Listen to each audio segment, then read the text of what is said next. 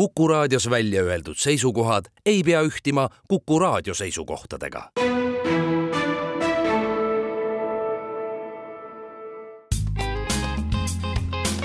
ettevõtlusminutid. saadet toetab Eesti Kaubandus-Tööstuskoda tere, head Kuku kuulajad, eetris on Ettevõtlusminutid ja me räägime täna õpilasfirmadest ja sellest, milline on ettevõttega alustamine noorte pilgu läbi. mina olen Ingela Virkus ja koos minuga on stuudios õpilasfirma Veeb tegevjuht Kennet Ruut, tere! tervist! kui natukene üldisemalt alustada, siis äh, kui ettevõtlikud sinu hinnangul Eesti noored on? see on, äh, see on väga hea küsimus ja ma arvan, see sõltub äh, hästi palju millistest noortest rääkida, ma arvan, see sõltub ka sellest, äh, mis koolis nad käivad. ehk siis erinevates koolides võib-olla on erinev see suhtumine ettevõtlusesse. ma ütleks, kuna ma ise käin läbi rohkem äh, inimestega, kes on ettevõtlikuma pilguga, siis ma ütleksin, et nad on päris ettevõtlikud. aga jällegi ma olen näinud väga palju, kes ei ole üldse ettevõtlikud, kellel on võib-olla, nad väärtustavad rohkem muid asju, näiteks vaba aega või sporti seda on hästi palju, ehk siis ütleme, ühest vastust on raske anda, kas on ettevõtlikud või ei ole. aga ma pigem ütleks, et Eestis nagu rohkem on ettevõtlikud kui ei ole, ehk siis pigem kaldub sinnapoole, et on ettevõtlikud kas sa tunned, et äh, näiteks sina isiklikult saad koolis kõik selle vajaliku kätte selleks, et olla ettevõtlik või, või natukene isegi võib-olla laiemalt vaadates, et äh, kas kool pakub täna noortele äh, kõiki neid vajalikke teadmisi ja, ja ka seda, et seda selgitust võib-olla sinna juurde, et miks see oluline on, isegi kui sa ei taha tulevikus ettevõttega tegeleda, aga sellegipoolest, et sa teaksid, mida see endast kujutab, miks see võib-olla hea on ja, ja kuidas siis ettevõtjaks saada näiteks oleneb täpselt, mida sa mõtled sellel, mis tähendab nagu, et kool peaks pakkuma õpilastele ettevõtluseks vajalikke asju me enne siin eetriväliselt ka rääkisime, et mina näiteks ei mäleta, et meil oleks väga mingit sellist ettevõtlikkuse suunitlusega või suunaga mingisuguseid aineid või, või äh, tunde, et, et täna on ju igasugused ettevõtlik kool, programme ja nii edasi, mis seda nagu kuidagi kooli sisse toovad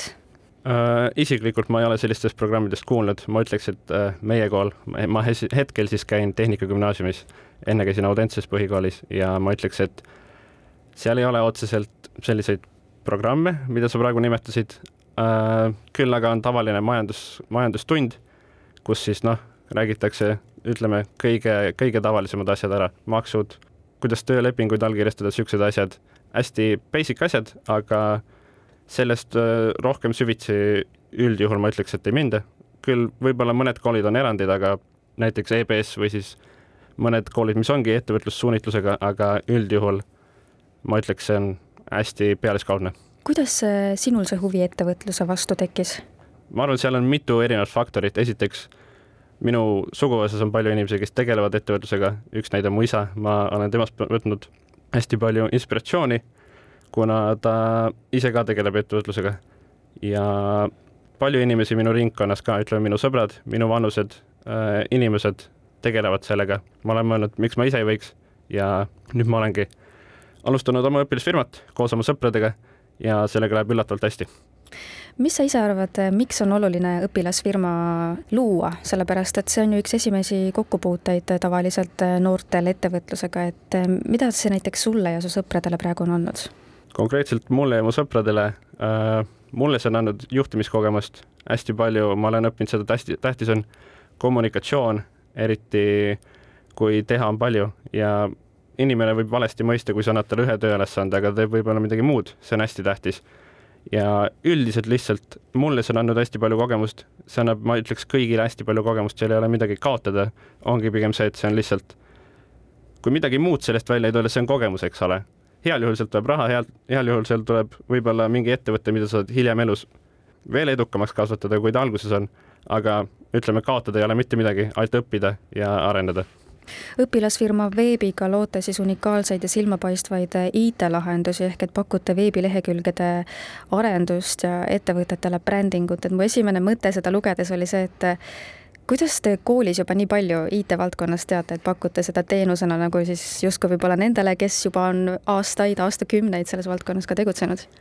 meie kool on tehnika suunitlusega rohkem, tehnikagümnaasium, eks ole, aga seal on selline, no iga, igas gümnaasiumis on üldiselt valikkursused meie koolis oli ka igasugust, oli pangandusmatemaatikat, oli, ma ei tea, Euroopa ajalugu ja siuksed asjad, aga siis seal oli ka üks programmeerimiskursus, mis kestab kolm aastat. Äh, me võtsime oma sõpradega selle ja sealt tuli see, ütleme, esialgne idee, et äh, programmeerimine on huvitav, seda võiks võib-olla rohkem süvitsi teha ja ütleme, see võib olla kümme protsenti sellest, mida me igapäevaselt kasutame, mis me oleme koolist õppinud. üheksakümmend protsenti on see, mida me oleme ise õppinud, sest meil on see tahe ja püüdlus, et äh, arendada oma teenust ja siis nagu pakkuda paremat pakkuda rohkem väärtust oma teenusega, eks ju, ettevõtetele, inimestele, kõigile. hästi palju on ise, ise õpitud, eks ole mis selle alustamise juures võib-olla natuke keerulisem on olnud, just kui me vaatame seda, et te olete gümnaasiumi noored? ütleme, keeruline on võib-olla see bürokraatia, mis seal ümber on, see, et äh, hästi palju tehniliseid väikseid detaile selle registreerimise juures just nimelt. Äh, seda juhatab, eks ole, Junior Achievement Eesti ja neil on tihtipeale on hästi täpsed nendega, mis on loomulikult, see on õige, aga seal tulebki mõnikord hästi väiksed vead, nad lükkavad võib-olla avalduse tagasi, kui tahad registreerida ja sa pead hästi täpne olema sellega. see võib olla kõige raskem olnud ja teine kõige raskem, ütleme siis ärivaldkondas, mis ei ole selle bürokraatiaga seotud, võib-olla see, et tõestada, et me oleme suutlikud. sellepärast tihtipeale vaadatakse, et okei okay,, lahe, noored teevad, eks ole, aga noh, saladuskatte all võin öelda, et veebimaailmas need hinnad ei ole kõige odavamad ja nad mõtlevad, et kui me laseme noortel teha, me maksame neile kõrget hinda, me ei taha ju, et nagu me saaksime halva toote pärast. hästi raske on olnud seda tõestada, et jah, me oleme noored, aga me suudame. aga noh, samm-sammult me sinna jõuame, et teenime usaldust ja loome mainet aga sa ütlesid, et täna läheb teil ikkagi hästi, et mida sa selle hästi all mõtled, eh, kui sa ütled, et natukene nagu on veel vaja pingutada, et kuidagi nagu kanda kinnitada selles valdkonnas ja selles maailmas? Ei, tähendab areneda ja kanda kinnitada, seda saab alati, eks ole. me võime vaadata suuri ettevõtteid ka, neil on ka kogu aeg areng toimub. aga meil siis konkreetselt, mida ma ütlen selle, meil läheb hästi. eelmine aasta, kui me alustasime või ütleme nüüd poolteist aastat tagasi, kui me alustasime, esimesed äh, nii-öelda lehed või tooted, mis me lõime siis ettevõtetele, olid hästi madala hinna juures, kuna meil oli kõigepealt vaja see tunnetus kätte saada, et mis on õige hind, mida pakkuda, kuidas see protsess üldse käib sa esitad projekti ettevõttele, tema, eks ju, vaatab selle üle, see tuleb kooskõlastada, see on hästi pikk, pikk protsess, see võib olla kuudepikkune, eriti kui see on suur projekt. aga me alustasime, ütleme, esimene projekt, mille me tegime, oli meie sõbra õpilasfirmale ja see oli seitsmekümne euro ringis. aga nüüd me räägime juba palju suurematest numbritest ja ma näen lihtsalt, see potentsiaal on olemas. ja kui me oleme ühe aastaga jõudnud, ütleme, nelja-viiekohaliste numbriteni, siis ma arvan, järgmise mõne aasta jooksul see võib noh, eksponentsiaalselt kasvada kui palju te olete õppinud tundma seda, et kes siis on päriselt teie klient ja, ja kes on äh, konkurendid? konkurendid on äh, kõik, kes äh, sama teenust pakuvad, tähendab Eestis neid on hästi palju, üle kahesaja peaks olema, ma tean, veebimajutusel on niisugune ilus list partneritest, kes on, teevad nendega koostööd, kes on, ka pakuvad sellist IT leheehitus ja brändingu teenust ja seal on, see on pikk list, see on mingi, ütleme kahesaja ringis, ma küll üle ei ole lugenud, aga silmaga vaatasin, see on hästi pikk list. ja konkurendid on olemas, selles mõttes me peame mõnikord võitlema projekti eest, näitama, et meie oleme õige valik kliendi jaoks ja samal ajal meil on võib-olla, ta võrdleb kolme erinevat firmat, kellelt seda teenust võtta.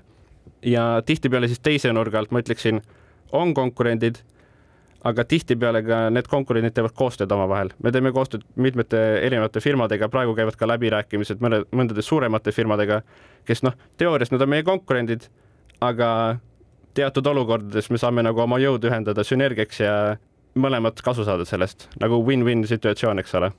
aga klientide pool, et kes on äh, teie peamised kliendid? peamised kliendid hetkel on olnud niisugused äh, väiksed ja keskmises suuruses ettevõtted, käive ringis noh, alla poole miljoni ja siis noh, alguses olid, eks ole, tuttavate firmad, õpilasfirmad, eks ole, meie sõbra, sõprade firmad. Ja nüüd see on kasvanud noh, suuremate Eesti firmadeni, üks näiteks on äh, Stalla, nad teevad äh, auto detailingut äh, ja me tegime neile laheda e-poe.